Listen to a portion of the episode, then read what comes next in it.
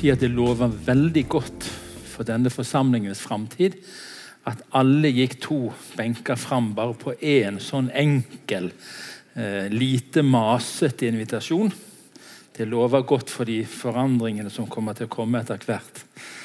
Eh, jeg er vokst opp eh, i et hjem hvor dette med bibeltroskap var et honnørord. Jeg vet ikke om dere, Vi har sikkert forskjellig bakgrunn, men for, eh, for meg så fikk jeg det inn fra jeg var ganske liten av at Bibelen ikke bare inneholder Guds ord, men at Bibelen er Guds ord. Og Det er en ganske stor forskjell på det. Eh, den liberale teologien drar ut det som ikke passer, og prøver å leite etter det som er genuint Jesus, og hva som ikke er Jesus sine ord i Det nye testamentet. Men jeg lærte fra jeg var ganske liten av at Bibelen er Guds ord. Og Det jeg skal undervise i kveld, går i den tanken at vår bibeltroskap den sitter ikke primært her oppe. Men den, den, må finne et praktisk utslag. Den må leves ut i livet vårt. Eh, og, og i forsamlingslivet vårt. Jeg fikk min første bibel jeg er ikke helt sikker på, jeg kanskje var tolv år. eller noe sånt. Jeg fikk min første bibel. Og Jeg begynte å lese litt i den. Og Etter noen runder i den boken så lurte jeg fælt på en del ting som jeg savna å se i virkeligheten, som sto beskrevet i denne boken. Og jeg husker jeg gikk til de som er, Da gikk jeg i Bergens Indremisjon i Betlehem. Etter hvert som jeg vokste til, så ble jeg en liten sånn kverulant, tror jeg. Fordi jeg savna eh, en del ting som, som, som sto beskrevet, spesielt i Det nye testamentet. Eh, så tenkte jeg hvor er det i vår forsamling? Hvor er de personene, hvor er de strukturene, hvor er det Bibelen forteller oss om? Eh, og, men hele tiden med det utgangspunktet Hvis Bibelen sier noe konkret praktisk, hvorfor gjør vi ikke det da? Eller klarer vi å omskrive det, åndeliggjøre det på en sånn måte at det ikke blir så aktuelt for oss? Vi skal innom et emne i dag som, som sier noe om dette. I IMF sitt jubileumsskrift så står det om vekkelseslivet på 1850-tallet og utover, når alle våre foreninger ble dannet for indre og ytre misjon. Så skriver han som forfatter den boken etter hvert som det frie lekmannsarbeidet vokste fram og ble organisert, var det foreningsformer som ble valgt. Denne organisasjonsforma kan knapt sies å ha sitt føredømme i Bibelen. Det er rene ord for pengene. Eh, det ble valgt en struktur, det ble valgt en form, det ble valgt en måte å organisere arbeid på som jeg tror vi i ettertidens lys må si ikke er lest ut av Skriften, men av samtidens måte å organisere alt arbeid på. Eh, og Jeg sier ikke at det nødvendigvis var galt, men, men det var sånn det var. Gud velsigna jo det arbeidet der i årtier med vekkelse og liv. Eh, alle våre organisasjoner, de lavkirkelige bedehusorganisasjonene, blomstra fram, og det var vekkelse og det var liv. På tross av at vi nok på mange måter valgte måter å organisere oss på som ikke nødvendigvis liker det kan knapt sies å ha sitt føredømme i Bibelen. Hva er det å være bibeltro i praksis? I Titus brev kapittel 1 og vers 5 så skriver Paulus til sin medarbeider, som han hadde med seg på reise, og som var med der det ble starta nye forsamlinger og menigheter. Så skriver han Jeg lot deg bli igjen på Kreta for at du skulle ordne det som fremdeles var ugjort, og innsette eldste i hver by, slik jeg påla deg. Altså, Det som Paulus sier her, at disse nye menighetene de trenger en måte å organisere seg på som ivaretar det nye åndelige livet. Og disse nye, nyfrelste menneskene. Vi må finne en måte å arbeide på som ivaretar og på en best måte fremmer det åndelige livet. Altså, Det var uorden helt fram til dette ble ordna. Og hvor skulle det være eldste? og nå skal jeg ikke være stygg med Misjonssambandet i Oslo eh, I hver by, i hver forsamling, på hvert sted der evangeliet hadde fått fotfeste, skulle det være noen som leda arbeidet. Og det var her, Allerede her begynte jeg å få litt sånn utfordring. For jeg gikk til han som var bysekretær. Det er jo en flott tittel. En åndelig god tittel. Syns du det? Bysekretær. Jeg het det i mange år, og min datter trodde jeg jobba for Sandnes kommune. Jeg var sekretær for byen. Så gikk jeg til bysekretæren i Betlehem og sa hvem er de eldste i vår forsamling. Ja, sa han. Ja. Hva skal vi nå si til det? Hva skal vi si til det? hadde ikke, han hadde ikke noe å si til det. Eh, men så spør jeg ja, men det står jo i Bibelen at det skulle være på kveld. Ja, ja, det står nå i Bibelen, men. Sant? Men. Og så har du dette med bibeltroskapen og praksisen som kan bli litt utfordrende. Nå fikk vi en fin innledning om Jesu lederskap, og dette tror jeg er viktig før vi nærmer oss dette temaet konkret. Kristent lederskap handler aldri om makt. Det handler alltid om å tjene.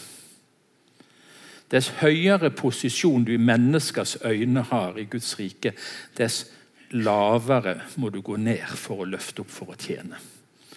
Alt annet er feil i Guds rike.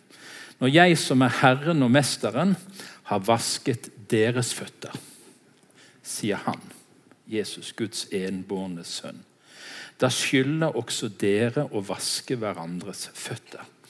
Jeg har gitt dere et forbilde. Slik jeg har gjort mot dere, skal også dere gjøre. Sannelig, sannelig, jeg sier dere, tjeneren er ikke større enn Herren sin, og utsendingen er ikke større enn Han som har sendt ham. Alt tale om Bibels lederskap må begynne i Jesus-modellen. Han som var Gud lik. Filippa-brevet kapittel 2.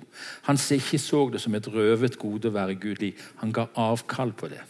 Tok på seg en tjenesteskikkelse.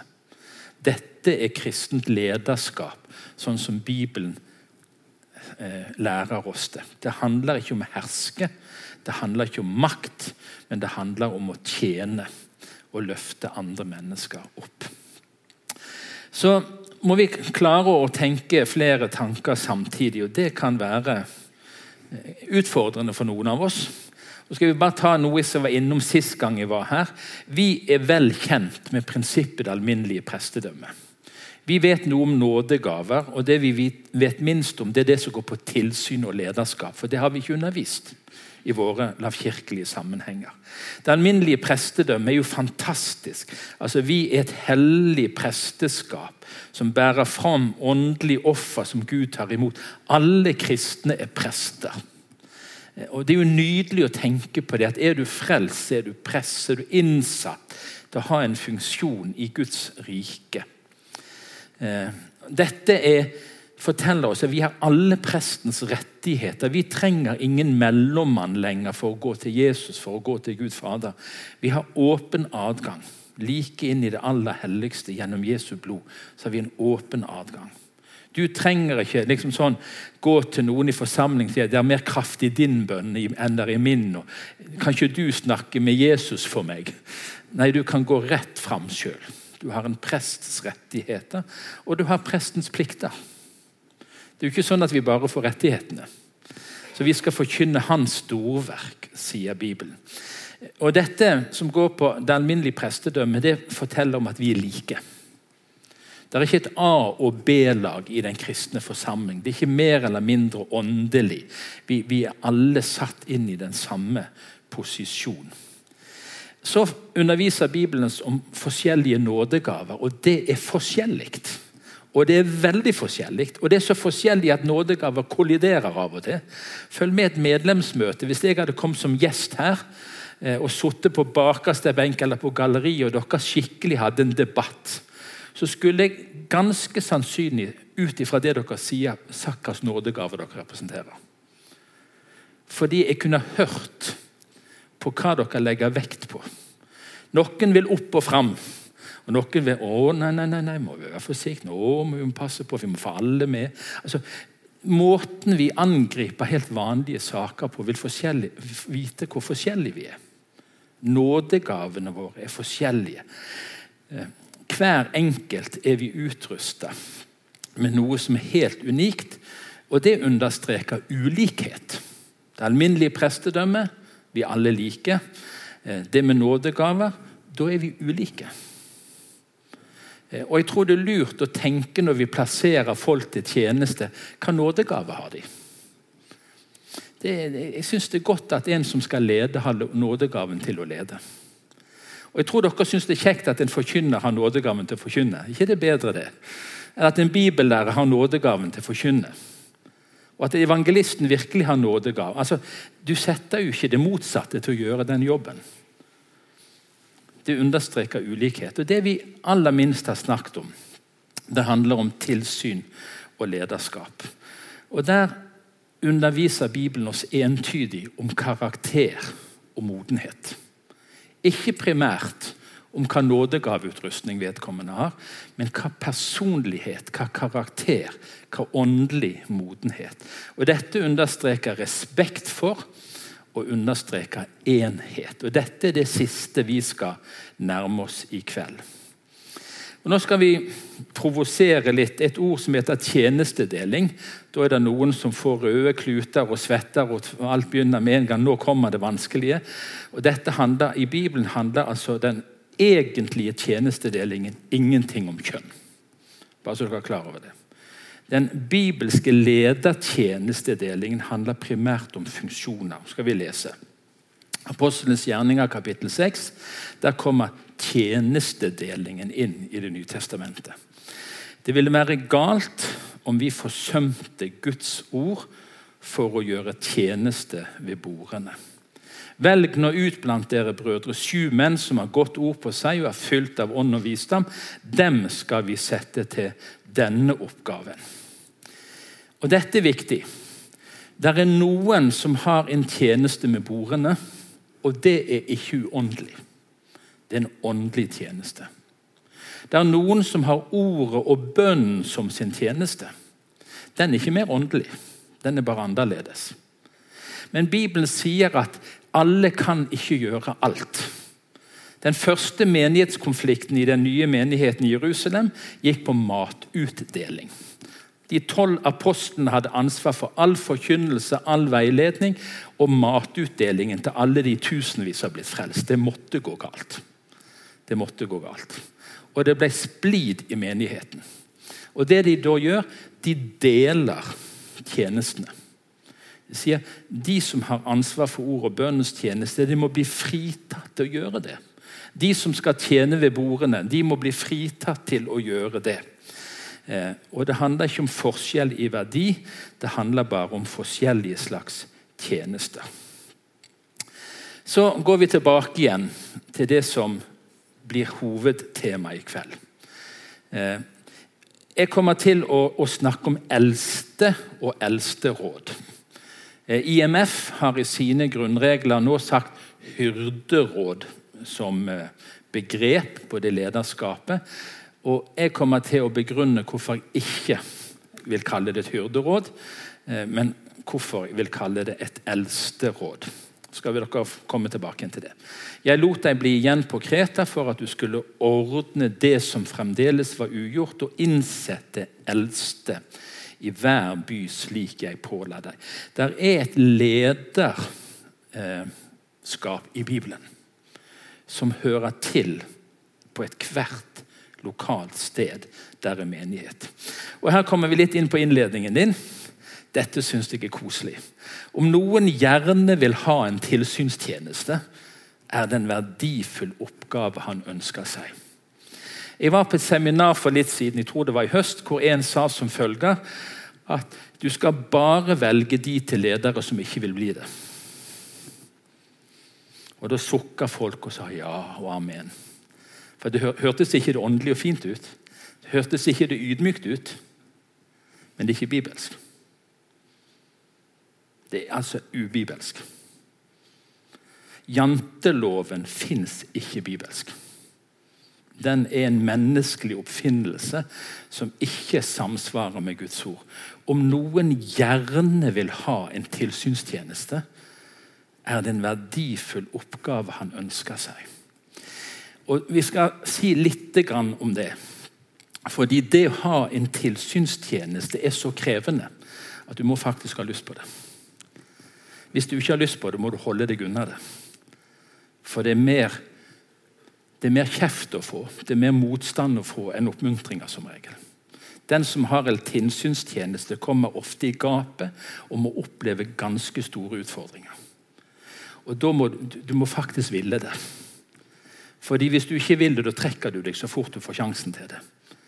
Så dette her er ganske fornuftig, og Bibelen er veldig ofte ganske fornuftig. Så dere skal, Hvis dere skal en gang finne noen til å ha en sånn type tjeneste, så må ikke dere gå til de som hele tiden å nei, å nei, du må ikke spørre meg. Nei, altså, Da må du spørre de som har lyst. De som lengter etter, som brenner for dette området. Og det er mot all vår måte å tenke på, fordi det virker hovmodig og ikke ydmykt. Men for å si det sånn, Gud sørger for å dukke sine ledere hvis de trenger å dukkes. Vi, vi, vi, trenger ikke å gjøre den jobben. Vi skal oppmuntre hverandre, sier Bibelen. Sant? Vi skal heie på hverandre. Vi skal sette de andre høyere enn oss sjøl. Gud er mer enn god nok i stand til å dukke oss når vi trenger det. Det er ikke gitt til mennesker å ta seg av. De første apostlene sa det. Vi vil holde ved i bønnen og ordets tjeneste.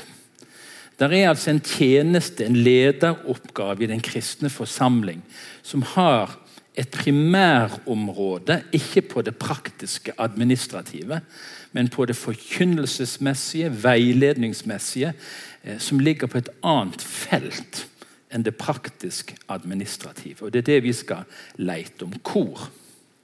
Apostelens gjerninger 14. I hver menighet valgte de ut eldste for dem, og under bønn og faste overga de dem til den Herre de trodde på. I hver menighet. Har du tenkt at det, det er sånn det skal være? Jeg kunne spurt dere hvor, hvor er de eldste på Vea?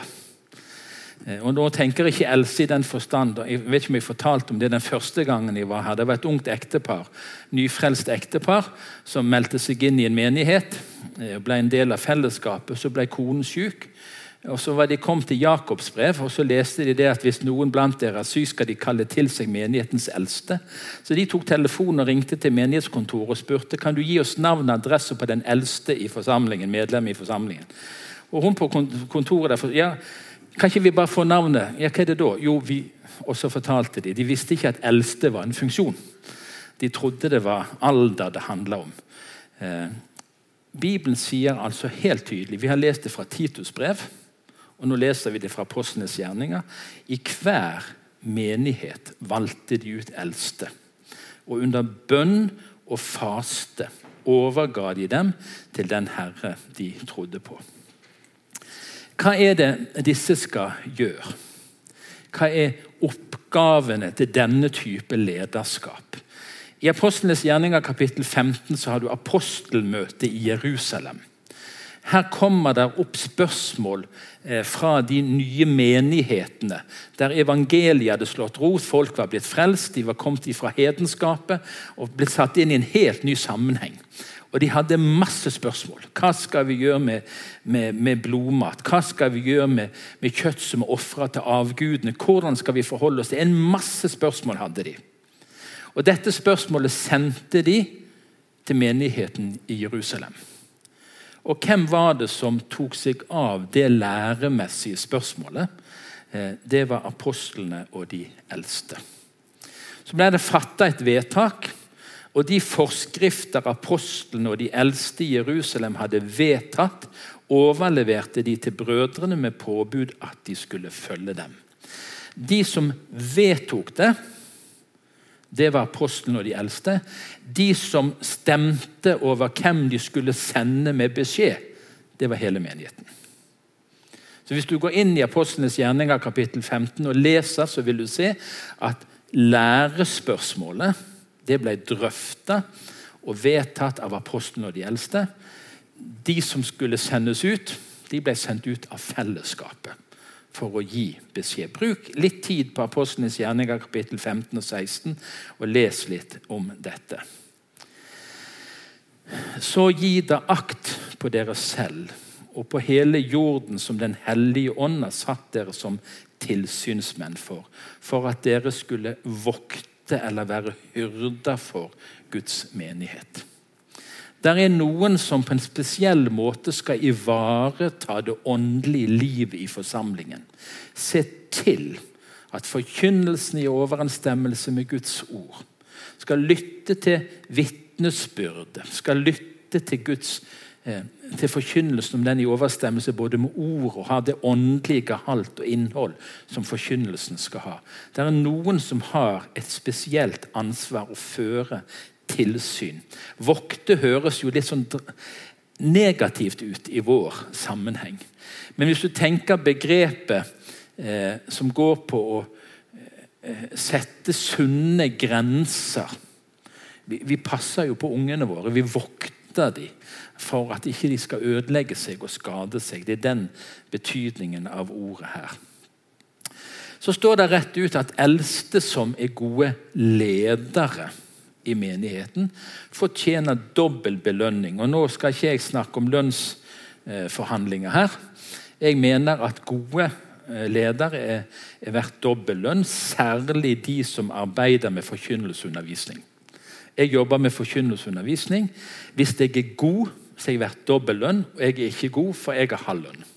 Så Vi har stort sett bare dårlige forkynnere i Misjonssambandet og IMF. Eh, jeg vet ikke hvor de gode er endt hen. Jeg var i en menighet på besøk i en studiepermisjon. Eh, og De skulle ansette ny hovedpastor i menigheten. Og De har et prinsipp i det fellesskapet at hvis Bibelen sier noe, så prøver vi det først helt konkret. Så De eh, hadde kalt et, et, et, en, en, person, og så hadde de han og konen inne. Så sa de 'Hvor mye trenger dere?' Og De lurte på ja, 'Hvor mye lønn trenger dere?' Vil dere at konen skal være i arbeid, eller skal hun kunne slippe å være i arbeid? Da, da dobler vi mannen sin lønn. Jeg syns det hørtes raust ut. De fikk råd, de gode folk ansatt, kan jeg si deg. Jeg lurte på om jeg skulle konvertere, men jeg, teologien min holdt ikke mål for de folkene, så det var ikke aktuelt. Men, men altså, Bibelen er helt konkret. Og i vår sammenheng eldste er ikke bare noen som sitter på galleriet. Dere har sett det der Muffet Show? Har dere det på fjernsyn? De der gubbene som sitter oppe på balkongen. Sånn. Altså, det er jo sånn folk har forståelse av hva eldste er for noe. og hyrdere. Det er sånne som sitter på galleriet. og Så henger de over kanten. Og hvis noen sier noe galt, så sitter de der oppe og, og vagler. Sant? Nei, eldste er gode ledere. Hva gjør de? De arbeider med forkynnelseundervisning. Det er det de holder på med. De leder i forsamlingen, og de arbeider med forkynnelse og undervisning. Det er det disse gjør. Og hva er noe av det viktigste? I Efeserbrevet kapittel 4 det er litt omdiskutert hva det betyr i konkret dette at han ga noen til apostler, profeter, hyrder, evangelister og lærere. Vi har jo tatt vekk apostlene og profetene, og så har vi igjen evangelistene, hyrdene og lærerne. Eh, så det er litt debatt omkring det, men hele poenget i sammenhengen er det at kristent lederskap primært er til ikke for å gjøre, men for å utruste. For å hjelpe folk til å gjøre sin tjeneste. Så Det viktigste åndelige lederskap gjør, eh, kristent lederskap gjør, det er ikke å bli målt på hva de gjør sjøl, nødvendigvis, men i hva grad de er i stand til å se etter nådegaver, hjelpe folk i tjeneste, utruste de, oppmuntre de, veilede de. Det er den viktigste lederoppgaven for en kristen leder. Uansett på hvilket nivå du er. Vi har jo et sånt syndrom i våre sammenhenger, og det gjelder å få kongens fortjenestemedalje eller Norges vel. Så Hvis søndagsskolen går randundas, bare du får fortjenestemedaljen, så er det jo greit. For du holdt ut i 30 år. eller i. Så skryter vi av at de som har klart å holde ut, men ikke, de har ikke utrustet andre. Det dør med de. Eh, og Det er jo ikke sånn det var tenkt det skulle være. De skal utruste andre sånn at arbeidet kan vokse og utvikle seg. Og Det er noe av det viktigste du skal måle kristent lederskap på. I hva grad er de i stand til å gjøre de hellige, alle kristne, i stand til sin tjenestegjerning? Er noen blant dere syk? Han skal kalle til seg menighetens eldste og de skal be over ham og salve ham med olje i Herrens navn. Eh, jeg reiser som regel rundt med en liten sånn oljeflaske. Eh, jeg er eldste i forsamlingen. Og det er helt naturlig å tenke at hvor som helst kan det være noen som er syk.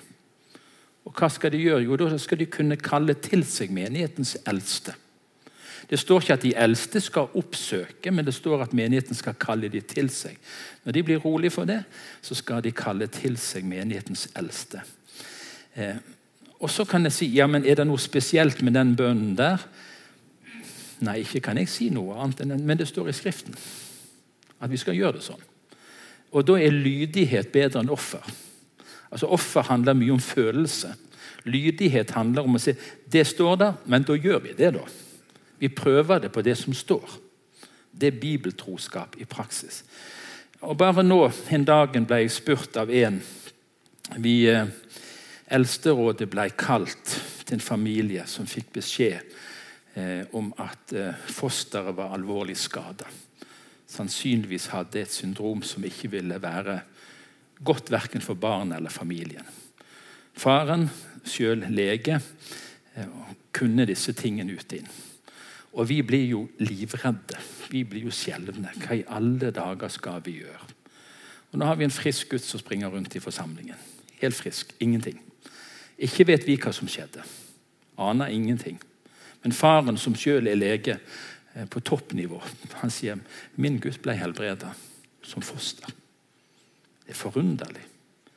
Og jeg kan si det, Vi eldste jeg tror vi tenkte at før vi hadde bedt, hadde vi sikkert begynt å tenke og unnskylde oss på at det kommer ikke til å skje noe. Sant?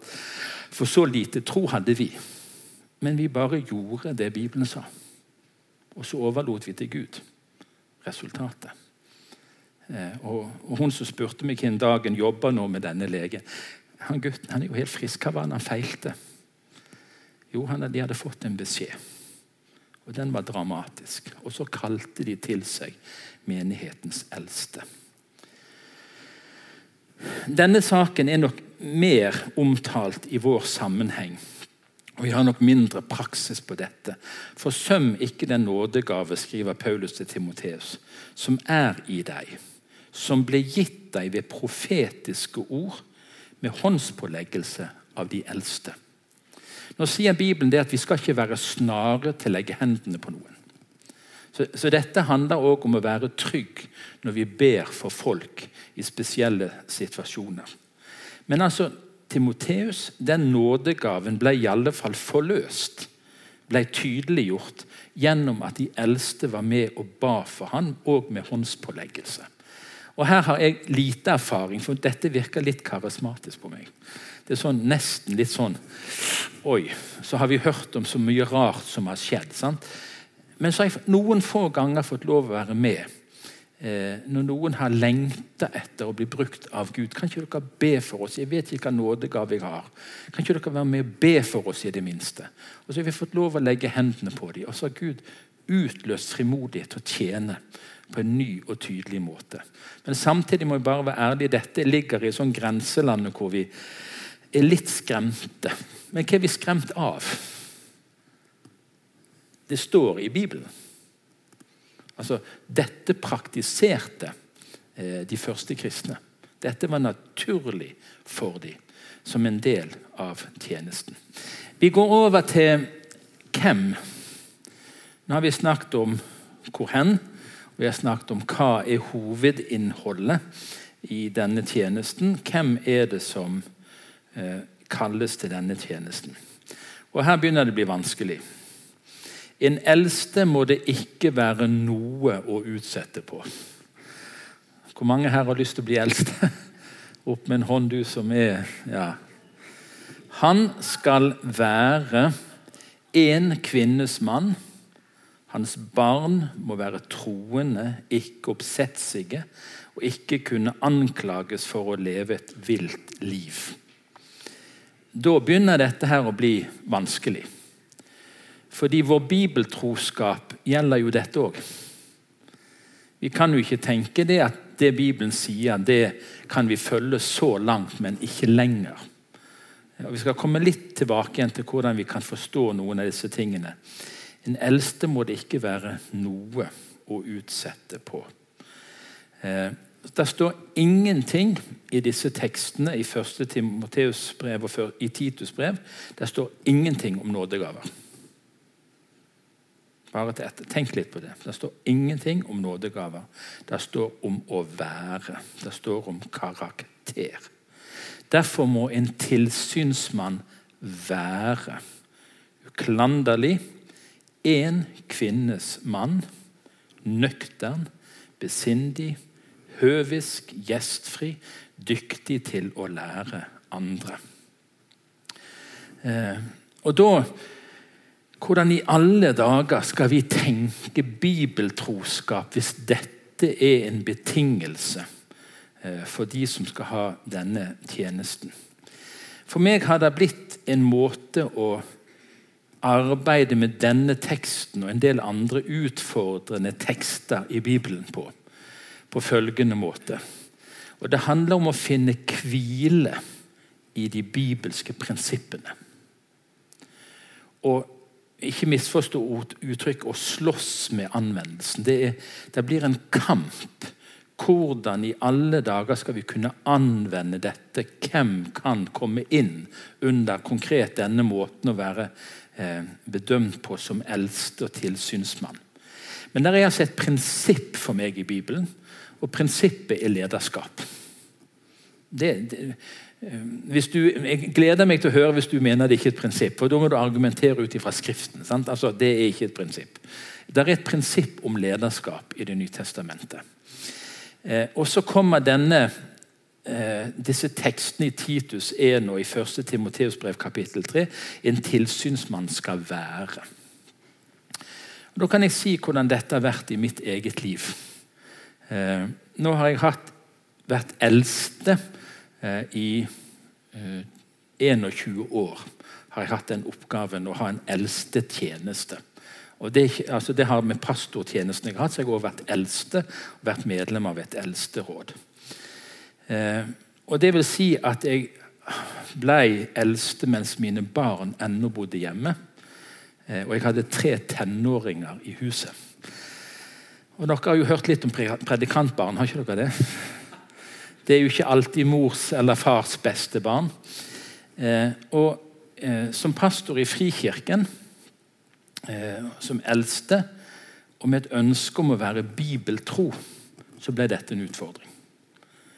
I en periode så eh, valgte den ene av sønnene våre å, hva skal vi si, å protestere høylytt på det han var opplært og oppdratt i. Han valgte et miljø som vi var livende redd for kunne skulle gå med han. Eh, og han var ennå på en måte i mitt hus. Han var, bodde hjemme under mitt tak. Og hvordan kunne jeg være eldste eh, med en sønn som åpenbart eh, begynte å gå helt andre veier? Og Vente og jeg snakket en del om dette, og, og, og, vi ba. Så nå kan ikke vi gjøre annet enn å be for han. Men det så ikke ut til å hjelpe. Så jeg gjorde klart en permisjonssøknad og sa det at eh, jeg kan ikke være i denne tjenesten lenger. Jeg kan ikke være pastor lenger, og jeg kan ikke være eldste lenger. Jeg kan ikke være tilsynsmann, fordi nå er det noe i anvendelsen av disse tekstene.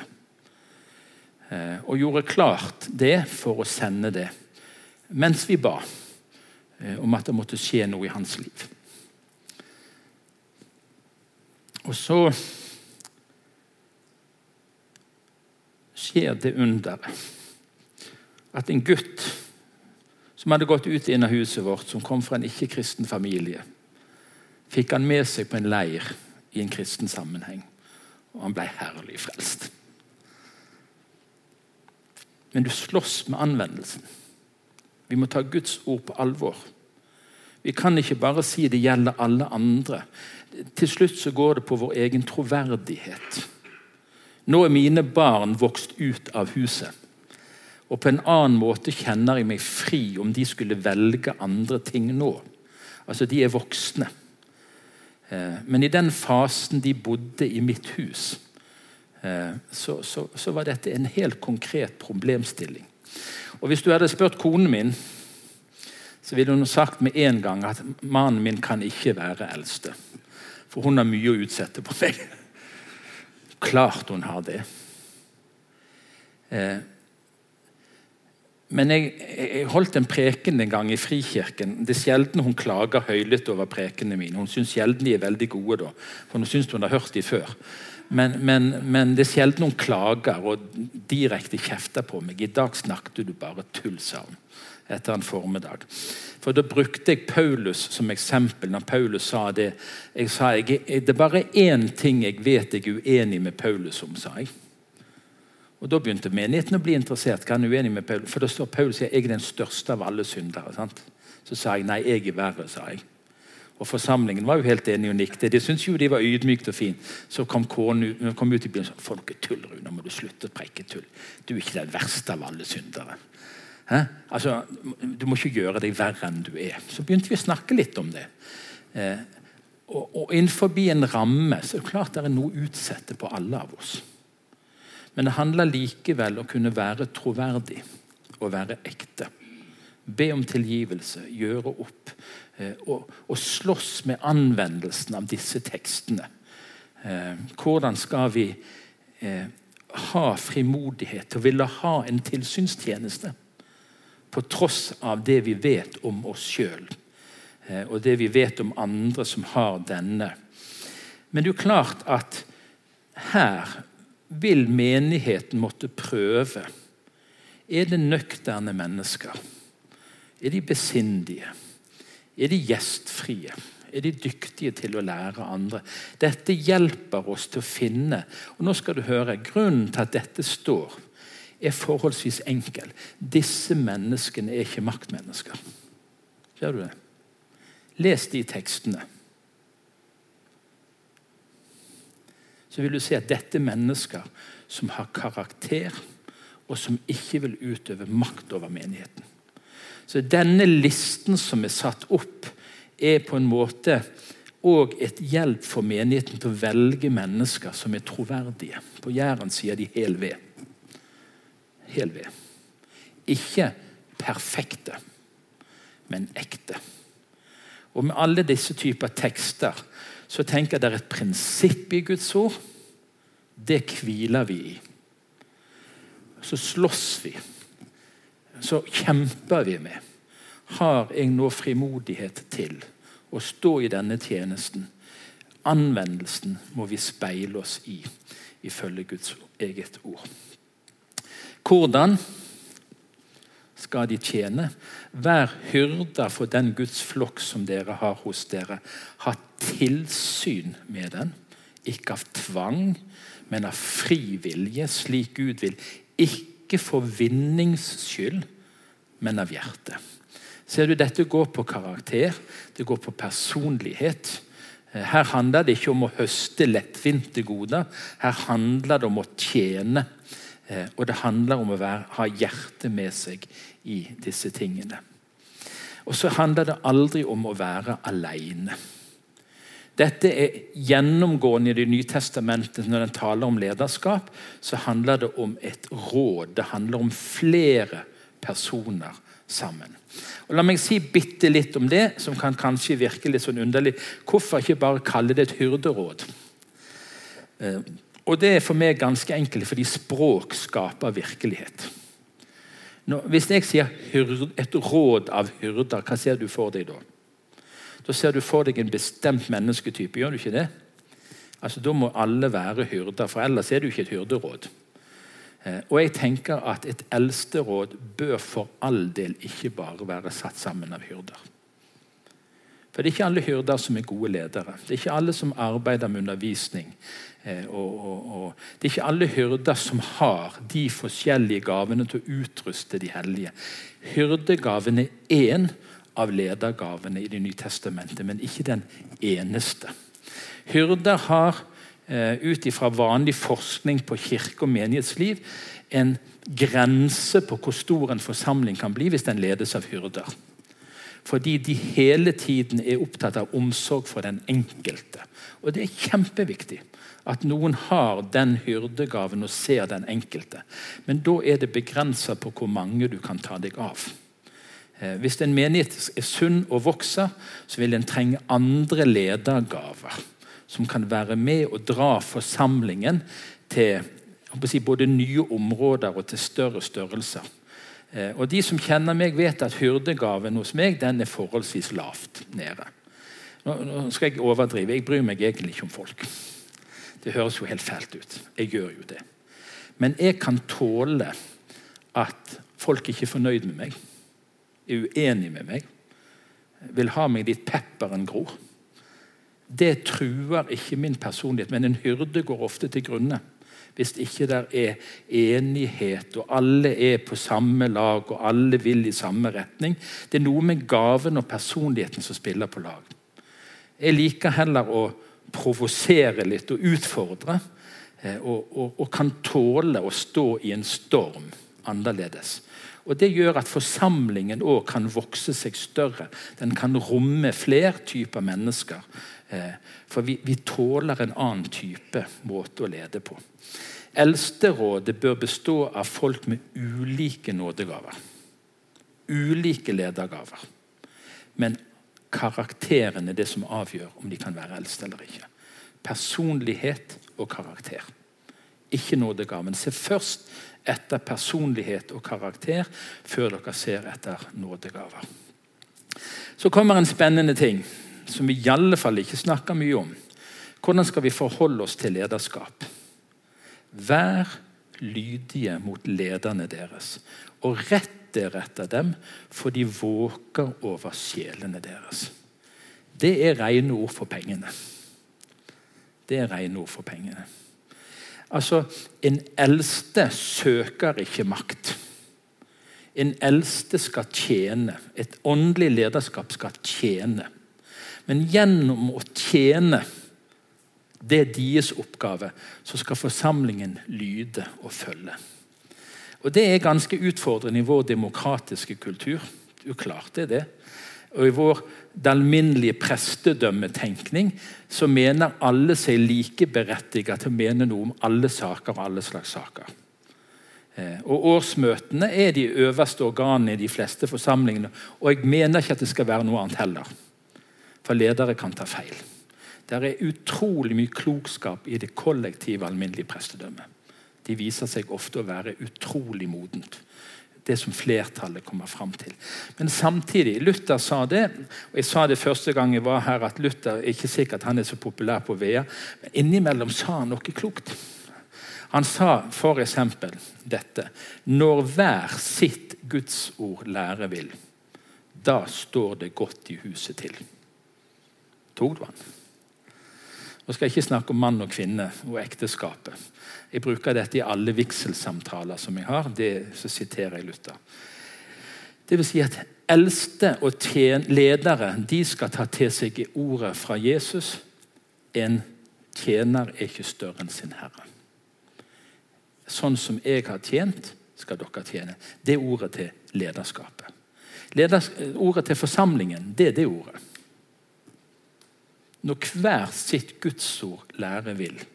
Det er da det står godt i huset til. Et lederskap som tjener og løfter opp, og en forsamling som dermed ikke trenger å demonstrere, fordi de kan, de kan være lydige og de kan følge fordi det er tjenende lederskap som fungerer. Og Så står det noe som er utrolig viktig. Godta ikke anklager mot din eldste uten to eller tre vitner. Dette er viktig å vite. Jeg pleier å si det at hvis du skal ha det vanskelig som kristen, så skal du bli eldste eller pastor. Da, da kan du være garantert å få en tøff jobb. Eh, jeg leder en forsamling nå som er stor. som vokser, og som på mange måter er vellykka. Men vi i Eldsterådet får mer kjeft enn vi får oppmuntringer. Vi får all driten. Alt som går galt, er vår skyld. Eller min skyld som pastor. Vi får høre så mye at jeg unner veldig få å bli gjort delaktig i disse tingene. Og Ofte så blir det gjort anklager mot ledere, det kjenner vi til. Og av og til er det riktig. Det har vi sett nå i metoo, alt dette som skjer.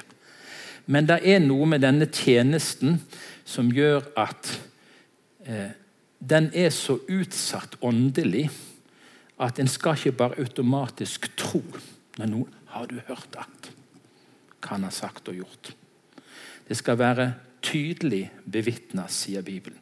Uten to eller tre vitner så skal du ikke godta en anklage mot de eldste. Vi skal si litt nå generelt. Ledere i Guds ord. Nå snakker ikke vi bare om åndelig lederskap, eldstetjenesten. Ledere, sånn som Bibelen beskriver det, går primært foran. Og Det handler først og fremst om å være før det handler om å gjøre. Eh, og det handler om å utruste. Og Det er viktig, uansett hvilken leder du er i denne forsamlingen her på Vea, så er det viktigste det er den du er. Du leder primært gjennom den du er, ikke det du sier og det du gjør. Det er det eksempelet du er, som taler sterkest. Det er som med barneoppdragelse. Eksempelet taler mye sterkere, livet taler mye sterkere enn alle våre foreldreteorier. Og Sånn er det i, i forsamlingen òg. Det viktigste du skal tenke på, det er hvem er jeg? Og så handler det om hva du skal gjøre. Og så handler det om at alle ledere må tenke kan noen overta etter meg? Kan det vokse fram nye ledere som jeg kan være med å hjelpe et stykke vei i sitt, sitt lederskap? Igjen, dette har vi vært innom. Han må være, sier Bibelen. Gjøre, ta vare på, hele, på dere selv. Vær hyrda for. Det er noe vi skal gjøre. Og Det handler om å utruste de hellige til tjeneste, så Kristi kropp bygges opp. Eh, jeg spurte eh, de som er nå i interimstyret, om jeg skulle si bitte litt praktisk. Derfor har jeg gått litt fort eh, gjennom noe av bibelmaterialet. Jeg håper ikke det er for fort.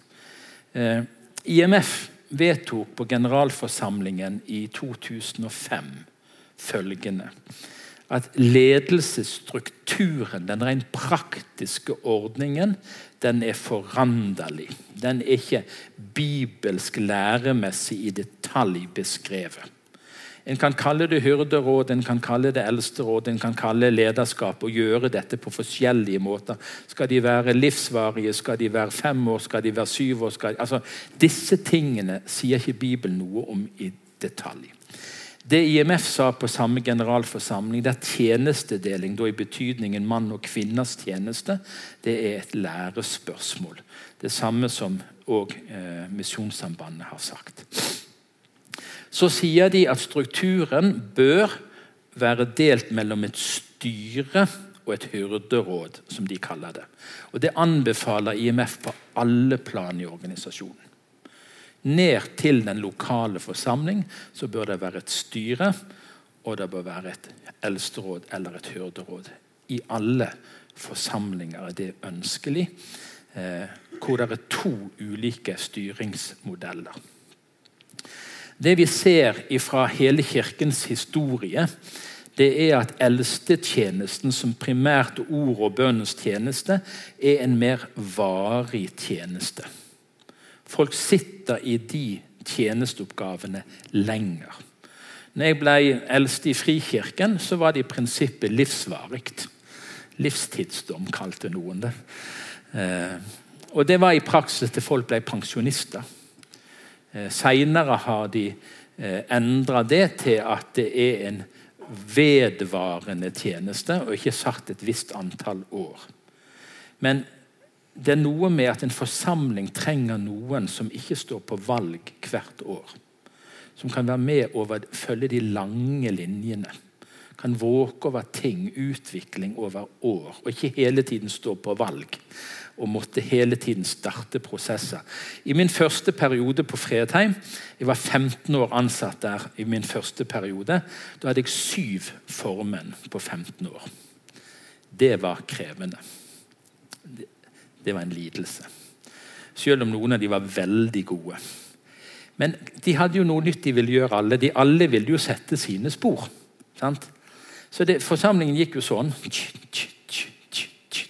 For det skifta jo. om Hver formann, Han ene formannen han hadde jo en haug med tanker han ville gjennomføre. Han ble bare ett år, så var han ferdig. Så kommer det en ny en, og han var helt uenig med han forrige på hva som var viktigst. Så gikk han holdt i tre år. Og Så kom det en ny som holdt i to år. Og Vi som var i staben, vi var bare to stykker, vi ble jo helt forvirra. Vi visste nesten ikke hva vi skulle gjøre. Fordi lederskapet skifta hele tiden. Og med nytt lederskap kom der nye tanker eh, om hva som skulle være det viktigste. Og Vi hadde den gangen ikke noen eldste tjeneste. Det som har med diakoni eller styre, mer praktisk administrativ ledelse, er kirkehistorisk sett og organisatorisk en mer tidsavgrensa tjeneste. Og Det regner jeg med de fleste her er vant til, at det velges kanskje styre. Blir du valgt til styre, så er det for to år eller tre år, kanskje, og kanskje formannen er på valg hvert år. Sånn er nesten det vanlige i bedehussammenhengen. At det er veldig hyppig skifte. Og Det kolliderer med all forskning på sunn menighetsvekst. Eh, en pastor Nå må du følge med, Lars. Ja, en, en, pastor har sine beste år etter det syvende året i en forsamling. Du, det hørtes rart ut. Må vi ha han i syv år? Stakkars oss. Ja, nå tenkte jeg ikke på deg, nå tenkte jeg mer på Nå har jeg vært 25 år i den forsamlingen som jeg er nå. så det, Jeg tror ikke de tør å hive meg lenger. De har bare gitt opp. Eh, men poenget er at det tar tid for en forsamling å få djup tillit til sine ledere. Kan vi stole på dem? Eh, blir de her når det kommer en uværsdag? Står de gjerne av? Tåler de en konflikt? Eh, og det som skjer, det er at Dess lenger pastorer og ledere er i menigheten, dess mer bygges det tillit eh, som gjør at folk våger å strekke seg lenger. De våger å investere mer, for de ser at lederne stikker ikke av hvis de får et feitere kall. Det er jo ganske vanlig sant? at de bare går til et feitere kall. Frelsermenn i Norge har dere frelsermenn på Vea? De holder på å gå i fullstendig oppløsning. De har folk fra ett til tre år på samme sted. Så sender de de videre. Det er deres prinsipp. Og Nå er Frelsermenn snart utradert som bevegelse i Norge menighetsmessig. Eh, Metodistkirken hadde fem år.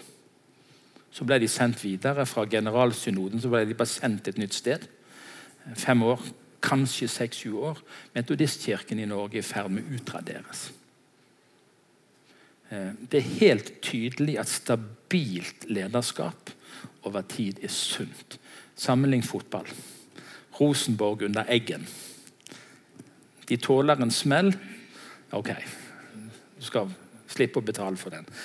Men altså, det er noe med, Vi sparker trenerne sant, hele tiden. Viking har nå sparka hvor mange trenere de siste årene. Jeg har kommet ut av tellingen. Og så ser vi hvordan det gikk. Nå rykte de ned. Har de sparka 28 trenere på de siste 8-9 årene?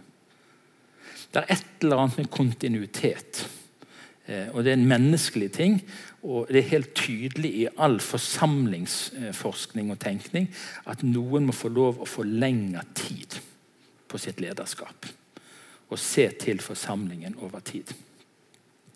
Vi har, skal ta med oss to paragrafer før vi gir ordet fritt til spørsmål og samtale. Paragraf 5 i våre lover og paragraf 6 regulerer i lovene arbeidet i forsamlingen. Og så har vi noen lange, lange lange vedtekter som følger disse paragrafene, som går konkret hva styret sin oppgave og hva Eldsterådet sin oppgave. Styret skal lede IMF Sandnes sin virksomhet, ivareta dens interesser og se til at virksomheten drives etter sitt grunnlag, formål og visjon. Styret forvalter forsamlingens økonomi og dens eiendommer. Eh, styret er ansvarlig for driften av forsamlingen og arbeidsgiveransvar for de ansatte. Styret iverksetter de beslutninger som vedtas av årsmøte og medlemsmøte, og som hører inn under styrets ansvarsområder. Så har vi altså en lang liste hva de ansvarsområdene Eldsterådet har hovedansvar for forsamlingens åndelige virksomhet og skal se til at den drives i samsvar med forsamlingens grunnlag, formål og visjon. Rådet iverksetter de beslutninger som vedtas av årsmøte og medlemsmøte, og som hører inn under Eldsterådets ansvarsområde. Vi har fire eldste for tiden, eh, og de er hands on i forsamlingen. De sitter ikke på gallerier og, kommer med syrlige kommentarer og kalles inn i nødsituasjoner. De har ansvar for forkynnelse, veiledning og alt det visjonære arbeidet i forsamlingen. I hva retning skal vår forsamling gå? Hva skal vårt åndelige uttrykk være? Og så har styret ansvar for alt som går på administrasjon og tilrettelegging. alle våre arrangement, Og begge har vi haugen på nok å gjøre. Eh, og På Fredheim sier vi det at den viktigste kvalifikasjonen for å være eldste det er at du kan stå opp tidlig om morgenen. For vi har eldstemøte hver uke klokken seks om morgenen. Og Det er fordi jeg trives best på den tiden av døgnet. Så nå begynner jeg snart å gå inn i eh, søvnen. Men, men det, det, å vite hva våre oppgaver er, og så møtes vi regelmessig minst to ganger i semesteret, eldsteråd og styre, for å se at ikke vi går fra hverandre hva vi ønsker med forsamlingen. Jobbe tett med hverandre for å se at vi er på sporet av det vi ønsker. Men med forskjellige ansvarsområder, helt klarert i vedtekter som, som, ligger ved siden av, av, lovene. Og Dette er jo bare mulige modeller. I Bergens Indremisjon er eldsterådet en del av styret. Altså De er både i styret, og så har de et eldsteråd, hyrderåd, i styret som tar seg av noen saker som da ikke vil bli behandla i et samla styre. Og Dette sier IMF. Jeg vet ikke nok hvordan Misjonssambandet tenker om det. Eh, hvordan en organiserer det rent praktisk, det er ikke noe lærespørsmål. Men, men, i begge organisasjonene så er det en tanke om at det er ulikt lederskap med ulike roller og ulike funksjoner. Yes. Eh, ja.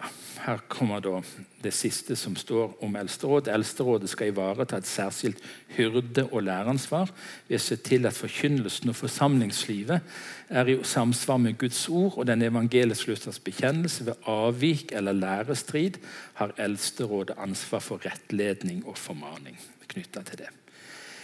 Så mye. Da skulle det være tid til å, å spørre eh, og undre litt sammen. Så nå fritt fram. Noe kan jeg kanskje svare på, noe kan noen andre svare på. Så det er bare å fyre løs.